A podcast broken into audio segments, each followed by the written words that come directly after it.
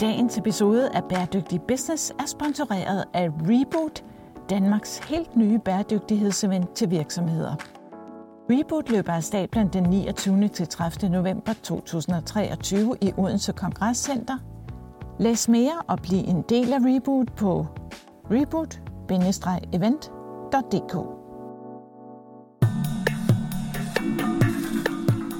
Det er jo nødvendigt for den grønne omstilling. Og der er min pointe bare, at hvis det er nødvendigt for den grønne omstilling, så kommer vi ikke til at lykkes med den grønne omstilling, for så har vi ikke forstået grundessensen af den grønne omstilling. Det er en omstilling. Det ligger i ordet. Det er ikke bare, det er ikke bare business as usual. Den samme måde at tænke på, at vi æder os ind på terrænet derude, øh, nu bare med en grøn logik. Velkommen til podcasten Bæredygtig Business. Vi befinder os i en tid med store udfordringer. Klima- og biodiversitetskrise, knappe ressourcer og social ulighed. Men i Bæredygtig Business ligger vi idealismen på hylden og undersøger, hvilken rolle verdens virksomheder vil spille i omstillingen til et bæredygtigt samfund. De globale udfordringer kan nemlig ikke løses af velgørenhed og filantropi alene. Hvis vi skal afværge den nuværende kurs mod katastrofe, så skal vi lave bæredygtighed til sund forretning. Mit navn er Steffen Max Høgh. Jeg er forfatter og foredragsholder og har arbejdet med bæredygtighed de sidste 10 år. Jeg taler med førende eksperter og undersøger, om der er penge i at tage et socialt og miljømæssigt ansvar. Goddag, Frank Eriksen. Hej Steffen. Velkommen til uh, Bæredygtig Business. Tak. De fleste kender jo nok dig som bunderøven. Mm. Bliver du dog lidt fornærmet, hvis folk de kalder dig bunderøven? Uh, nej, jeg bliver ikke fornærmet, fordi det er jo en beslutning, jeg selv har taget, men, men jeg har jo brugt meget, uh, meget krudt på gennem årene at gøre folk opmærksom på, at, at jeg hedder Frank. Uh, hvilket kommer bag på nogen, har jeg opdaget. Det kommer ikke bag på så mange længere, som det har gjort, men altså, det er jo sådan, du ved, det er jo den der, indtil videre, den sådan største fodfejl i mit liv, dengang den, den der redaktør ringede til mig og sagde, at vi overvejer, om ikke vi skal kalde programmet for Bunderøven. Og jeg sagde, ah, det er ikke rigtigt, om jeg synes, det er så fedt. Og hun sagde, bare roligt. Det er bare otte programmer på DR2. Der er jo ikke en kæft, der ser DR2 alligevel. Nej. Jeg tænkte, åh ja, det er rigtigt. Ja. Og nu kender alle folk Kastanjegården. Og Nu kender alle Kastanjegården, og vi nærmer os vel snart. Ja, vi har produceret i hvert fald på den gode side af 200 programmer, og ja, Ja, fordi det er jo, altså, det er jo sjovt, nu gik jeg lige og tænkte, inden du kommer ned i dag, at, at øh, altså, dine programmer er jo sådan noget, som folk er vokset op med. Mm. Der er i hvert fald en generation nu, der er vokset Ja. op med dem. Det er meget sjovt. Og jeg oplever jo øh, at blive kontaktet af nybagte forældre, eller ja, forældre med små børn, som siger, at de, at de sammen med deres små børn binger hele serien, eller alle sæsonerne, for ligesom at få deres barn up to date, for at de kan have det sammen. Se de nye. Ja, ja, ja. Det er jo ret fedt. Altså, det er det jo. Så, så på den måde er det jo blevet sådan en, øh, ja, en indgroet del. Altså, det har jo været, vi har jo været i gang i, i 15 år. Nu, ikke? Det er så sjovt, fordi man vokser op på nogle forskellige ting. Altså, jeg kan huske Meyers køkken. Mm. eksempelvis. Det var Det er også. Altså, det var virkelig... Jeg skal faktisk interviewe Claus Meyer her om en lille måned, så det Mm. bliver også godt. Men, øh, men jeg kan huske, dengang dine programmer kom frem, hvordan... Øh, jeg kendte ikke begrebet slow tv. Mm. Men, øh, men det har jeg hørt et par gange efterfølgende. Det her er sådan noget fjernsyn, som man, altså, hvor det går dejligt stille og roligt, men altså, Men det gør det jo ikke. Altså, det er jo noget værd sludder. Altså, at kalde det der for langsomt fjernsyn. Det, det, det, det siger jo mere om, hvordan det øvrige fjernsyn er, hvis man kalder det her for langsomt, ikke også? Fordi, altså, jeg ser, jeg ser jo ikke selv de her programmer, for jeg ved godt, hvad jeg går og laver. Men en gang imellem er der ligesom noget, jeg bliver nødt til at forholde mig til. Ellers så stoler jeg meget på de mennesker, jeg arbejder sammen med på Danmarks Radio, så de tager sig ligesom af det.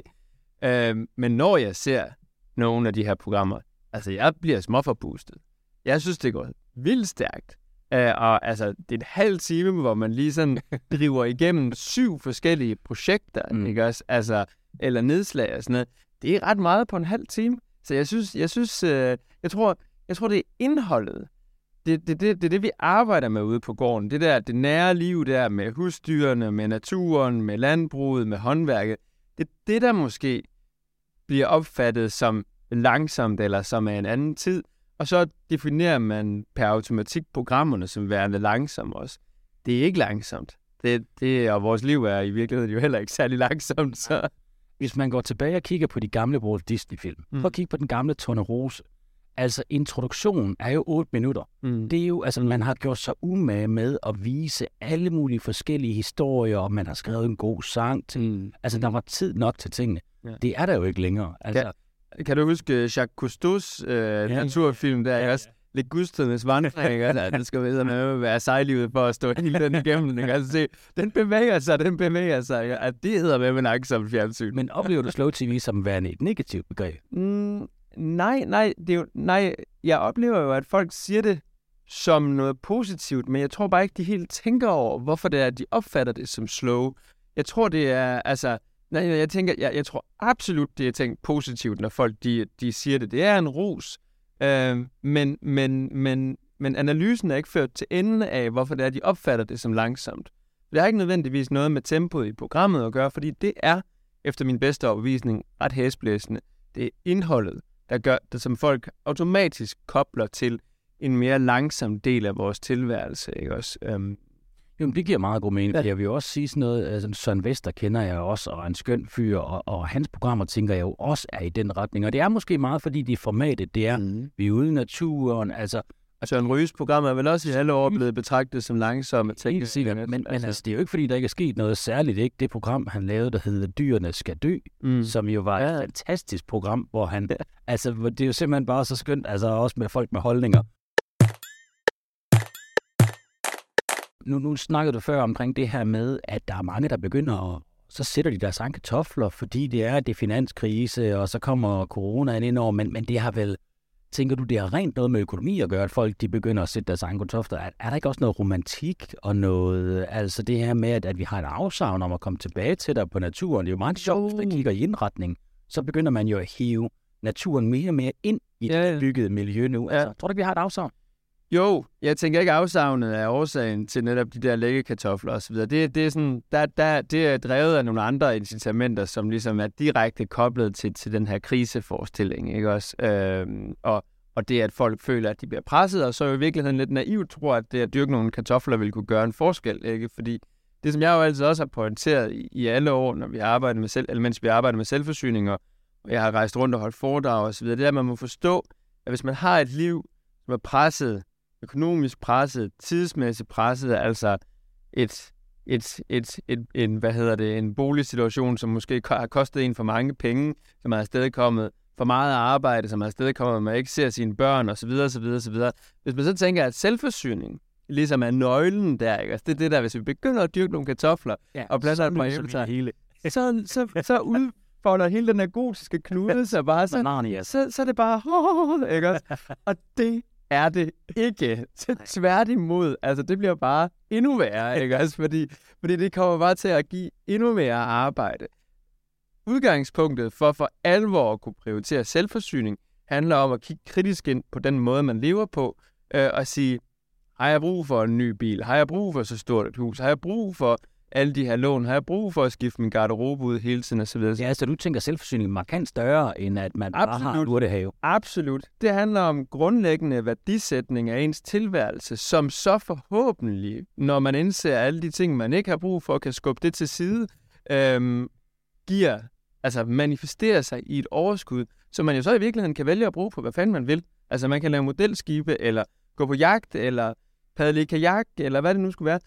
Eller man kan kaste sig ud i at dyrke grøntsager, og have nogle, få nogle husdyr, eller et eller andet. Ikke også? Og der vil jeg så sige, når det så, altså sammenlignet med de andre ting, øh, jeg lige nævnte måske lige på undtagelse af jagten, jamen så, hvor, hvor, hvor den, den, den, den forenklede tilværelse giver muligheden for at forfølge noget, man drømmer om, giver selvforsyningen, hvis det så er det, man drømmer om på det tidspunkt, så rent faktisk lige pludselig også mening, og kan hjælpe positivt med til ens økonomi. Men det kommer til at stjæle al den tid, man har frigjort ved at gøre sit liv økonomisk lettere. Ja, fordi det er jo ikke nogen hemmelighed, når man ser dine programmer, og man øh, sådan kigger ind i, i den livsstil, ikke? Fordi, at, at, som du selv siger, selvforsynet er jo selvfølgelig flere ting end det, altså, og du er måske også, altså, der er nok folk, der vil kalde dig fanatisk, eller hvad det, sådan en lille smule i, Ja, det er jeg i men- eller hvad hedder sådan noget, aktivistisk eller fanatisk, inden er det nok.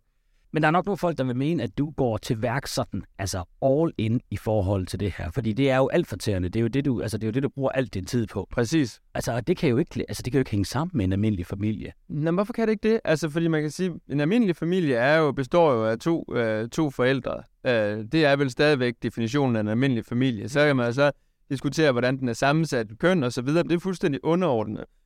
De, de, de familier, jeg kender rundt omkring i, øh, i verdens, primært i vores del af verden, som sådan har kastet sig helhjertet ud i, i selvforsyning, øh, jamen der har alle en deling, hvor den ene på en eller anden måde sørger for at skaffe nogle penge, og den anden så har muligheden for at kunne ivaretage det derhjemme. Jeg vil sige, hvor, og, og vi er også to i vores familie. Therese, min kone, har sit egen virksomhed som illustrator og så videre. Det er en svær branche at tjene penge ind i. Men nu kan man så sige, at i vores liv er det jo så blevet sådan, at jeg i kraft af det, vi laver derhjemme, jo så også har et, et, et arbejde og en indtægt ud af det. Men det vil ikke, altså, det vil ikke ændre sig. Muligheden vil stadigvæk være der, men en af os skulle tjene penge. Du kan ikke blive selvforsynende med forsikringer og, og sådan nogle ting. Det er skidesvært. Der skal nogle penge til. Nej, så konstellationen er altså, at man er faktisk to personer, og den ene har et såkaldt rigtigt arbejde, ja. og den anden har et rigtigt arbejde derhjemme. Præcis.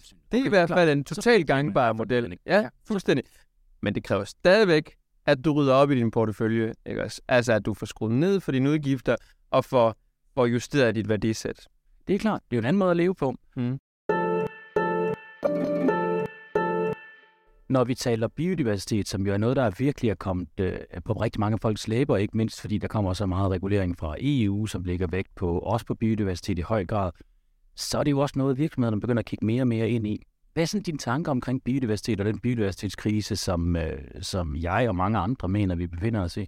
Jamen altså, den er alt over skyggen og bør være alt over skyggen i vores samfundsdiskussion. Altså, det er jo svært lige nu, der stakker vi jo kriserne oven på hinanden, ikke også? Og vi taler om de her, altså sådan mange, mange facetterede kriser, og det, det er måske sådan lidt en farlig tilgang til hele sådan krise, øh, retorikken. Kriseretorikken, men ikke desto mindre, så er der selvfølgelig noget om det. Problemet, når man kigger på det på den måde, er også, at de der kriser let kommer til internt, der ligger og hvad hedder det, konkurrerer med hinanden om at være den største.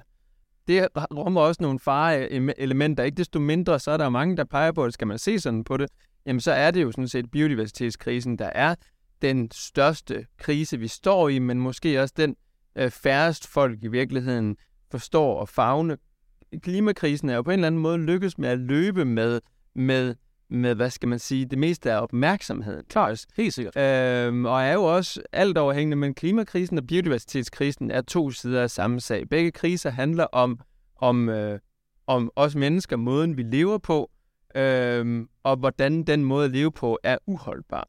Men hvor biodiversitetskrisen kræver noget helt konkret af os, kræver, at vi afgiver noget, er løsningen på klimakrisen, eller i hvert fald diskussion omkring klimakrisen, meget mere pseudo. Ikke? Altså, altså der er vi ligesom, der, der pakker vi os ind i alle mulige beregninger og idéer og statistikker, og så sent som i går blev det jo ligesom fremlagt på Marienborg, at, øh, at, man, at, øh, at vi kan komme i mål med 2025-målet, fordi vi måler og vejer og regner på alt ved at, ved at brænde noget mere Altså mad af i biler, decideret set, hvis du skal skære det ud i pap, ikke også? Altså i Europa brænder vi allerede af, hvad der svarer til, hvad er det? Øh, 25 millioner brød om dagen, ikke også? For at vi kan holde øh, bilmængderne kørende, ikke også? Du snakker biogas. Bio, ja, jeg tager biobrændsel, ja, ikke også? Og det er ligesom logikken bag klimakrisen, eller løsningslogikken, det er, at teknologi og regnestykker, og sådan, når vi er i mål, og, og er det halvanden grad, eller hvad stiler vi efter, eller sådan noget biodiversitetskrisen handler jo først og fremmest om plads. Altså det er jo en, en krise på plads, eksistensplads. Særligt i Danmark. Og jeg vil sige over hele verden. Altså, Ja, fordi det, det handler om, det er jo særligt landbrug og i det hele taget, at mennesker, vi fylder bare så vanvittigt meget, der er ikke plads til den vilde natur. Og det gør vi jo over hele verden. Altså, du kan jo sige, at i Afrika, der er det jo, altså, der er jo flere af nogle af de her store, store hvad hedder det, rovdyr, som vi er vokset op med, ikke også? Altså, en, altså løver, som nu er så fraktioneret i deres øh, reservater, at det kan godt være, at reservaterne er reserveret til dem, men, men genetisk set er de dømt til undergang, fordi det er for små populationer, og de kan ikke færdes på tværs af, af, af areal, eller mellem, mellem reservaterne, fordi der er mennesker over det hele. Mm. Så det er det er hovedet på sømmet verden over. Vores, øh, Altså ideen om vores rettigheder og privilegier ude i landskabet gør, at naturen er presset tilbage på plads. Øh, og skal vi komme i mål med biodiversitetskrisen, så skal vi opgive nogle privilegier. Og det er jo for mig at se i virkeligheden også det, der skal til for at komme i mål med klimakrisen. Altså, vi, vi, vi, vi, har, vi har det helt skævt fokus i klimakrisen, og derfor er biodiversitetskrisen den, den bedste trædesten til også at komme i mål med en meget, meget sundere løsning på klimakrisen. Altså at forstå, at vi skal reducere vores belastning.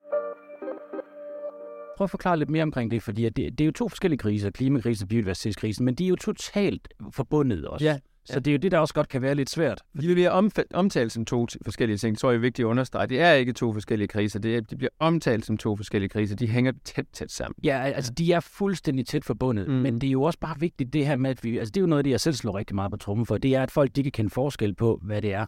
Fordi ellers så sker der ret ofte det, at folk bare render rundt og kalder alting for bæredygtigt. Mm. Eller alting mm. for miljø. Mm. Og så er det, der opstår de der problemer med, at nu skal vi have lavet nogle vindmøller, og så er der nogle fugle, og hvad gør man så? Alting går forstå, og man kan ikke have en, en kvalificeret dialog omkring det, fordi man faktisk ikke kan forholde de to ting mod hinanden, fordi nogle gange er de også modstandere af hinanden. Ja, det mener jeg er en forkert præmis. Altså, fordi det, det er nemlig, altså, det er et skidegodt eksempel, det der. Ja, for vi har jo vindmøller, der ikke kommer op. Ja. Som jo er hardcore fokuseret på klimadelen, ja. hvor det er, at der så er nogle øh, mus og nogle ja. øh, hvad, nu skal vi passe på, hvad det er, når man råder sig ud i dyrearter. Ja, altså, det kan være mus og padder og fugle og alt muligt. Altså, der kan være alt, der gør, at ting ja. ikke kan lade sig gøre. Ikke? Så på den korte bane er det jo to forskellige ting, på den lange bane er det det samme. Men, men, men det er jo, jeg synes jo, det der er tidens bedste eksempel på, øh, på udfordringen her, det, det er der, hvor, hvor, hvor klimakrisen øh, og biodiversitetskrisen ender med at konkurrere med hinanden. Og det er altså, hvis man, hvis man ender med det scenarie, øh, at man ligesom skal vægte og veje og, og, og, og begynde at bygge en eller anden narrativ op om, at jo, man, I må jo kunne forstå, at hvis vi skal løse klimakrisen, så må de her padder og frøer, og, eller padder og mus og så videre, så må de vige til fordel for de her vindmøller, eller I må jo kunne forstå, som et helt konkret eksempel, at skal vi, skal vi være, blive ved med at have føretrøjen på i forhold til vindindustrien, jamen så er det logisk ud fra den slutning, at der skal rejses testvindmøller ned i Vadehavet. Det eneste, det eneste naturområde i Danmark, som, som indtil videre er gået fri fra vores hunger efter plads og, og, og, og virketrang, ikke også? Øhm, er gået fri er på UNESCO's verdensarvsliste. Der giver det lige pludselig mening ud fra den logik at sætte vindmøller op, for det er jo nødvendigt for den grønne omstilling. Og der er min pointe bare, at hvis det er nødvendigt for den grønne omstilling, så kommer vi ikke til at lykkes med den grønne omstilling, for så har vi ikke forstået grundessensen af den grønne omstilling. Det er en omstilling. Det ligger i ordet. Det er ikke bare, det er ikke bare business as usual. Den samme måde at tænke på, at vi æder os ind på terrænet derude, øh, nu bare med en grøn logik, ikke også? Altså, det er trods alt bedre det ved jeg ikke, om det er. Jeg, altså, jeg, jeg mener ikke, det er bedre. Jeg mener simpelthen, at, at, øh, at det er fuldstændig fejlslagen. Jeg, jeg vil gerne give et andet sådan lidt vildt eksempel, som, men Ja, vil du sige noget selv? Ja, men, men det er fordi, altså jeg kan sagtens følge, hvad du siger, og du har fuldstændig ret, men har du ikke lidt for høje forventninger til, hvad det her politiske system det kan gøre? Jo, jeg mener, det har jeg helt sikkert. Ja, jeg, jeg tror ikke, jeg har høje forventninger til, hvad det politiske er, fordi det, jeg, jeg er godt klar over, at det, det kan det slet ikke levere på det her. Nej, fordi, men, men det er også et spørgsmål om at skabe den forståelse, ja. fordi præcis har man endelig fået forståelse for, at man skal have nogle vindmøller op, mm. og det er jo, jeg taler jo heller ikke for, at vi skal have vindmøller i Vadehavet. Det synes jeg også, det er en katastrofe, men, men det, altså vi, jeg har jo sådan en meget praktisk, pragmatisk tilgang til det her, og det betyder jo ikke nødvendigvis, at man skal sætte dem op der, hvor de gør mest skade på naturen, men det er fandme også vigtigt, at der kommer nogle vindmøller op, og det er klart, kunne vi have en fornuftig dialog, hvor man kunne sige, at selvfølgelig skal vi ikke have det i Vadehavet på baggrund af de her udfordringer, så vil de fleste folk jo nok sige ja, men folk, altså den brede befolkning forstår jo ikke det her i dybden, nok Nej. til, at et demokrati med demokratiske valg politikere kan bakke op omkring det. Nej, fordi der ikke er det politiske mod, når du ikke har en befolkning, der forstår det bag det. Lige, altså, det er meget enkelt, jo godt. Og så vælger man at sætte det op i ved her, for der bor ikke ret mange. Præcis, for det er jo de to parametre, man ligesom kigger på, når man skal sætte vindmøller op til test. Det skal blæse af helvede til meget, og der skal helst ikke være nogen folk. Ja. Ikke også? Og det ene forstår jeg godt, det andet forstår jeg ikke, fordi møllerne bliver rejst for vores skyld. Og jeg mener, Altså, jeg bor sammen med min familie i et tungt industrilandskab. Vi er gisler imellem store kornmarker, gyldevognene, ræser rundt på vejene. jamen altså, det er ude ved os, de der vindmøller skal stå. Der er jo ikke noget at gøre. Det er jo der, de skal være. Øhm, og, og, og, og det, altså, jeg, det må være logikken, fordi det er for vores skyld, at de vindmøller skal rejses, så må vi også tage togen med, at de skal stå der, hvor vi bor. Men du altså, et spændende forslag, det der med, ja. om man ikke kunne lave noget på incitamentet, fordi da vi talte om det, det synes jeg, der er en pissegod idé. Der er jo masser af penge i det her, ikke også? Og det er jo ligesom, altså penge er jo en god måde at få gjort folk opmærksom på projekterne, øh, projekternes værdi, ved at give dem en aktie i det, ikke også? Og selvfølgelig skal de mennesker, der bor der, hvor, hvor alle de her vindmøller rejses, de skal da have penge for, at de vindmøller står der, og det skal være det skal være, hvad skal man sige, ting, det skal være tinglys på ejendommen til evig tid, sådan at når ejendommen skifter ejer, så fortsætter man for, med at få en eller anden grad af fortjeneste. Så vil du fandme se vindmøller i det danske land. Lige præcis. Og så vil vi få dem, altså i virkeligheden også derhen, hvor de er mest effektive i forhold til, til reparation og så videre, nemlig på land. Altså hele ideen om at flytte møller ud i havet er jo igen, det blæser af helvede til meget, så langt så godt, men de generer heller ikke nogen. Og så er de bare pisse dyre at vedligeholde. Og de smadrer altså også natur ude på havet. Det gør de også. Det, det er der de også. mange, der ja, kan huske det gør de også. mellemregningen. Så, så altså, jeg mener bare, altså, det er, det er en grundlæggende forkert diskussion, hvis vi ligesom når frem til rationalet om, at jamen, selvfølgelig må noget natur vige øh, til fordel for, for klimaet, fordi sådan fungerer det ikke. De to ting hænger sammen. Vi må ikke skille ad på den, med den form for argumentation.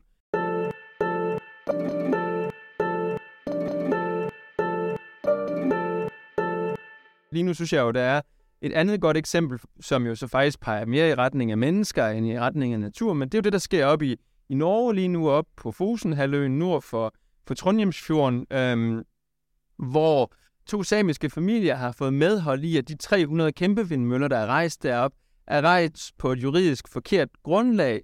Højesteret har ligesom givet samerne medhold, og de har ikke, højst, den norske højesteret har ikke defineret, hvad der skal ske med vindmøllerne, for det er en politisk beslutning, men de har defineret, at det er ulovligt. At de står der, at de forhindrer samerne i at udfolde deres kulturarv.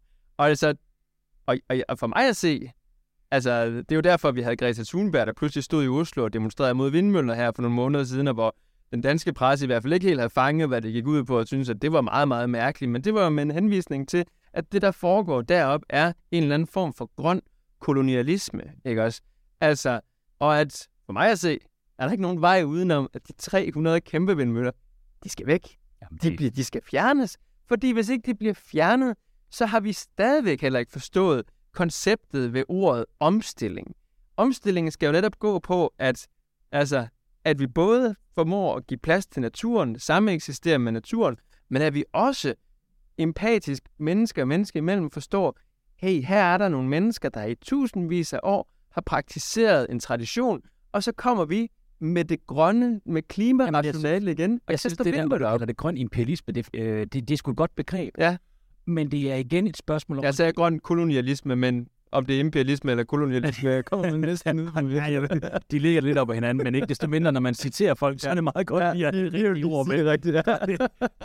inden man klænder folk for et eller andet fuldstændig ud af proportioner. Ja, ja. Men det synes jeg er et rigtig godt begreb. Det tror jeg, jeg tager med. Enten mit eget, jeg lige har opfundet, det det du rent faktisk sagde. Men, men det er igen det der med, hvordan er det, man lykkes med alt det her? Fordi vidensniveauet i samfundet er simpelthen for lavt til, at man kan have den her samtale. Mm. Altså det kræver, at man har, og, og det er virkelig ikke, fordi jeg hænger nogen øh, befolkningsgrupper ud. Der er virkelig mange ting, og der er mange mennesker derude, som har travlt med at bare betale regningerne, og der er, altså, der er rigtig meget lobbyisme på spil. Mm. Der er mange forskellige aktører i det. Altså det er svært at hæve det der vidensniveau. Men ikke desto mindre, øh, så, så må den ene agenda jo ikke smadre den anden. Og det er jo også det, der er lagt i EU's taksonomi. Det er jo faktisk, når man går ind og definerer, hvad er en bæredygtig økonomisk aktivitet, ja. så skal man leve op til et af de her seks kriterier, men man må ikke gøre skade på nogle af de andre. Nej, præcis, fordi det kan man jo sige også i forhold til de her CSR-strategier osv., der er derude. Der er, jo en, der er jo en stor fare for, at en virksomheds kerneaktivitet forbliver problematisk samtidig med, at man ligesom så øh, pynter lidt på det ved at give nogle penge til, øh, til naturtiltag. Ikke også? Og, og det har vi jo set tonsvis af gennem tiden. Ja. Det, det bliver sværere med det EU-lovgivning, fordi det ligger simpelthen så mange krav. Mm. Men det der, det har vi set virkelig mange eksempler på, og vi har ikke set de sidste ikke desto mindre så har SF jo for eksempel lige foreslået på de her havvindmøller, at der skal være en eller anden procentafgift på at opføre havvindmøller, som skal gå direkte til hav biodiversitetstiltag. Der skal laves en hav naturfond osv. osv. Og Og jeg tænker jo i sin grundidé, at det er jo stadigvæk en smuk tanke, men jeg, jeg bliver straks ramt af, måske også fordi Green Power Danmark straks er ude og kalde det en genial idé, Men altså, så, så bliver jeg sådan lidt ekstra skeptisk og tænker, hmm, der må, der må være en grund til, at de synes, det er sådan en skidegod idé. Og det er jo netop igen, fordi du... For, det spørger jeg lige Christian Jensen om. Gør det, det, ja. Fordi du, man forfølger et rationale. Det er stadigvæk det samme rationale. Jamen, noget må vige her til fordel for, for de her vindmøller, men, men så pynter vi lidt på det ved sig selv at sige, men så giver vi noget, så vi kan lave noget godt herover. Og det er jo også, hvad skal man sige, logikken bag ved vores øh, måden, vi etablerer veje på, og alt sådan noget. Altså vejdirektoratet, og i virkeligheden også Bane Danmark, og alle sådan offentlige myndigheder, de arbejder med, med sådan et fuldstændig fantastisk begreb, der hedder erstatningsnatur. Ikke også? Og det synes jeg virkelig, det kan ikke blive meget mere pseudo, ikke også? For det betyder, det er sådan noget med, at hvis man fjerner et stort træ, fordi der skal ligge en vej, så er erstatningslogikken, så, så planter man 10 derover i stedet for, ikke også? Fordi, for at kompensere og så videre. Men problemet er jo bare det der med, altså, jeg tror, man siger som tommelfingerreglen, at, at øh, ikke, ikke 20 200 år gamle egetræer vil kunne erstatte værdien af et på 400 år, ikke også? Så, så, og, og, og menneskers måde at agere på, kan slet ikke operere med de her lange tidsperspektiver. Så vi kommer i en erstatningslogik til at smadre mere, end vi vinder. Tilbage til det der pragmatiske. Det er virkelig noget, som jeg går og funderer meget over. Fordi, hvordan skaber man egentlig reelt mest resultat? Mm. Fordi, at hvis vi skal have den her logik udbredt, jamen, så skal vi jo for det første øh, altså mobilisere en vilje, vi ikke har set før. Ja. Udover det, så skal vi hæve vidensniveauet virkelig, virkelig meget, og mm. tingene de bliver noget mere vanskelige. Men så lad, skal, vi, skal vi prøve at blive noget mere pragmatiske så? Det var i virkeligheden også øh, det der, det, det, var, det var ved en sådan lejlighed, at, øh, at vi to mødtes første gang, nemlig ved, ved et arrangement, der handlede om forvildning af nogle erhvervsarealer osv. Og, og der, altså det her, nu har vi jo været sådan helt op på den store klinge. Mm. Jeg har brugt de sidste fire år øh, på nogle biodiversitetsprojekter, som er mundet ud i, en, i nogle tv-programmer, der hedder Giv os naturen tilbage, og hvor den næste sæson, den kommer øh, her i løbet af sommeren øh, på, på DR. Og, og, og det vi jo sådan hele tiden igennem de år er endt med at falde tilbage på, det er jo folks græsplæner. Yeah. Ikke også? Fordi det bare er så pissegodt et eksempel på, hvor crazy det er, det vi mennesker har gang i. Ikke også? Så vildt.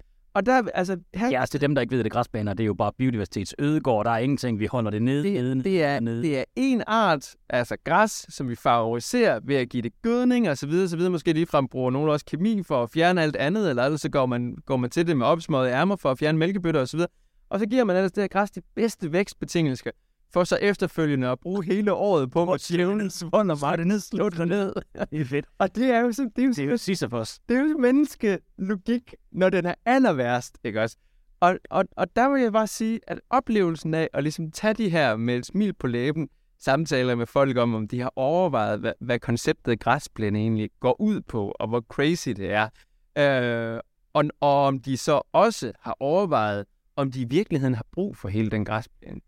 Og, og det, ja, det virker jo banalt og naivt at tro, at man kan sådan rykke på biodiversitetsdagsordenen ved at få folk til at afstå 10% af deres græsplan. Ikke desto mindre, så tror jeg, det rummer et enormt potentiale. Ikke som at det er græsplanerne, der løser biodiversitetskrisen fysisk, men at det, der sættes gang i, i folks hoveder, måske over tid, en tid, som vi måske desværre ikke har, hverken i forhold til klimakrisen eller biodiversitetskrisen, nu vel, men i hvert fald over tid, kan være med til at mobilisere det, der i sidste ende ender ud i et politisk mod. Og en større bevidsthed, ja. som bliver et større politisk mod. Ja, Eller rettere sagt, bedre spilleplade måske for politikerne, så de rent faktisk tør ja. gøre det, fordi de ikke er bange for at miste deres taburet. Ja.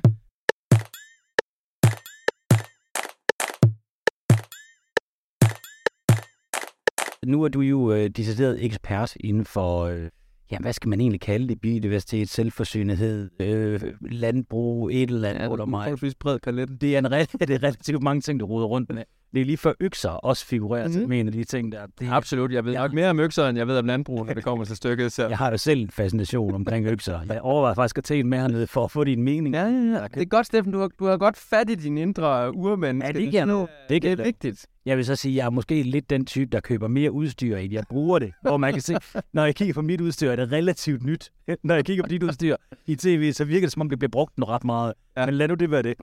Men når man sidder derude som virksomhed, og øh, nu sidder økonomidirektørerne derude og får at vide, at de skal til at rapportere på biodiversitet. Og altså, så ved vi jo nok alle sammen godt, og nu er jeg lidt fordomsfuld, at at en økonomidirektør ikke nødvendigvis ved super meget om biodiversitet.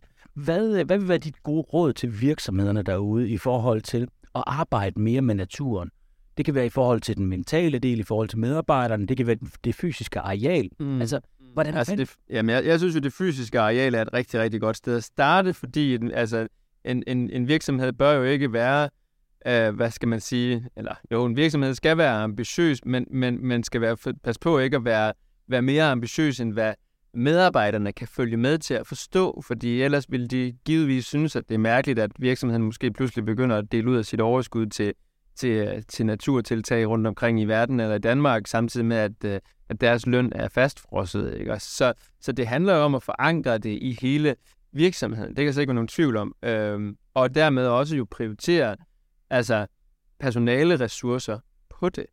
Og det, det tænker jeg også er din oplevelse, at, at, det, at det sker derude. Det er noget, man forstår nu er vigtigt, og derfor er det også noget, virksomheden der prioriterer på timer, vel? Ja, jamen det er det helt sikkert. Og man kan sige, at det, der jo sker nu, det er jo, at, at det er jo meget på egen forretning. Altså, ja. man sige, har du produktion, jamen, så er det jo den, du skal finkæmme og være sikker på, at du ikke bidrager til øh, til øget vandspil eller forurening, eller hvad pokker det kunne være. Mm. Men, men noget, jeg også synes, der er ret interessant, og som, øh, som vi også var lidt inde på til det arrangement, hvor vi mødtes, det er jo det her med, hvordan er det, at man kan begynde at ændre folks optik mm. på de kvadratmeter, de nu selv har.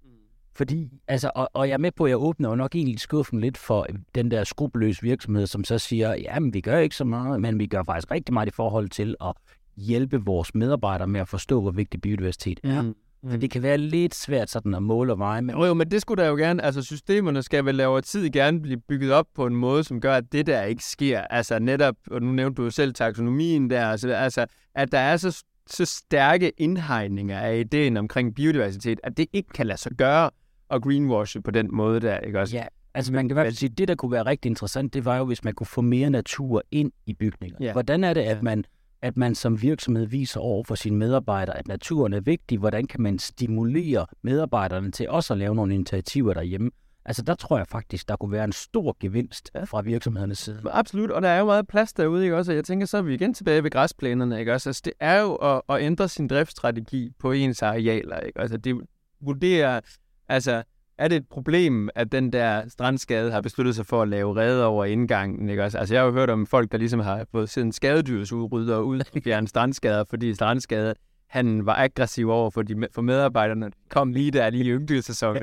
og jeg tænker, okay, det er virkelig også at snyde medarbejderne for en helt vild oplevelse, at de sådan om morgenen bliver sådan antastet af en strandskade. Men det er jo faktisk et rigtig godt eksempel, ja. man som, altså, som leder, hvis man vidste noget omkring det her, så kunne man jo sige, altså, og det er jo selvfølgelig nemt her i et perfekt univers, når vi bare sidder herinde, ja, ja. kunne man jo godt skrive til medarbejderne, nu skal I høre her, jeg skulle med på, at I bliver overfældet lidt af den fugl her fra tid til anden, men det er på baggrund af det og det og det. Altså, så man kunne faktisk godt vise og, altså, og uddanne sit medarbejdere en lille Præcis, præcis. Og så... Det er klart, det er nok meget godt, at man ikke hælder kemikalier i, uh, i den nærliggende fjord uh, samtidig. Samtidig, gør det. absolut, absolut. Fordi det er jo også det, altså, hvor er, altså, altså, hvor er virksomhedens største impact? Ikke? Altså, og tit vil det jo sikkert være ude i produktionen, men det ændrer ikke på, at, at, den, at hvis man tror på ideen om, som jo er det, jeg også markedsfører her, en ny fælles fortælling, når det handler om biodiversitet og biodiversitetskrisen og sammenflætningen med klimakrisen, den grønne omstilling, øh, som i sin essens, jamen så kræver det jo, at man, er, at, man er, at man er til stede hele vejen rundt, at man kigger kritisk på sin produktion, samtidig med, at man også forsøger at fagne sine medarbejdere og få dem til at forstå de her større, større ting. Det ene kan ikke erstatte det andet. Øh, øh, det er det hele, der er i spil, ikke også? Og, og og enhver virksomhed gør sig nok også bedst tjent med at begynde at klarlægge om, øh, hvordan deres virksomhed ser ud i fremtiden, om der reelt er en berettigelse for det, de laver i fremtiden, eller om, øh, om det er nu, man skal begynde at få nogle nye gode idéer trukket op af skuffen. Det er jeg virkelig meget, meget enig i. Altså, der er jo ingen tvivl om, at, at der sker virkelig meget lige nu. Og, jeg, og det er måske også en af grundene til, at jeg fokuserer så meget på medarbejderne, det er, at jeg, jeg tror, der er en bevægelse i gang, som kun er spirende, men der kommer en meget voldsom bottom-up bevægelse, hvor når folk rent faktisk bliver bevidst omkring, hvad det er, vi risikerer, hvis det er, at vi ikke ændrer adfærd. Og det kommer også til at påvirke, hvordan vi stemmer til valg. Det kommer til at påvirke, hvad der er for nogle produkter, vi køber, hvor vi gider arbejde og mange andre ting. Så der er virkelig gang i nogle spændende ting. Frank, tusind tak, fordi du vil være med i Bæredygtig Business. Det var en fornøjelse. Ja. Og øh, jamen, du er jo live i tv, så hvis man ikke får nok af dig, så kan man jo bare gå ind på DR. Det kan man. Det kan man. Du har lyttet til Bæredygtig Business. Mit navn er Steffen Marksø, og du er meget velkommen til at finde mig på LinkedIn, hvis du har idéer til emner, jeg skal tage op i podcasten. Ros og ris er også meget velkommen. Husk i øvrigt at abonnere på podcasten i din podcast-app, så får du automatisk besked, når der er nye episoder. Og hvis du giver os en god anmeldelse, så hjælper du med at sprede budskabet om bæredygtig business. Tak fordi du lyttede med.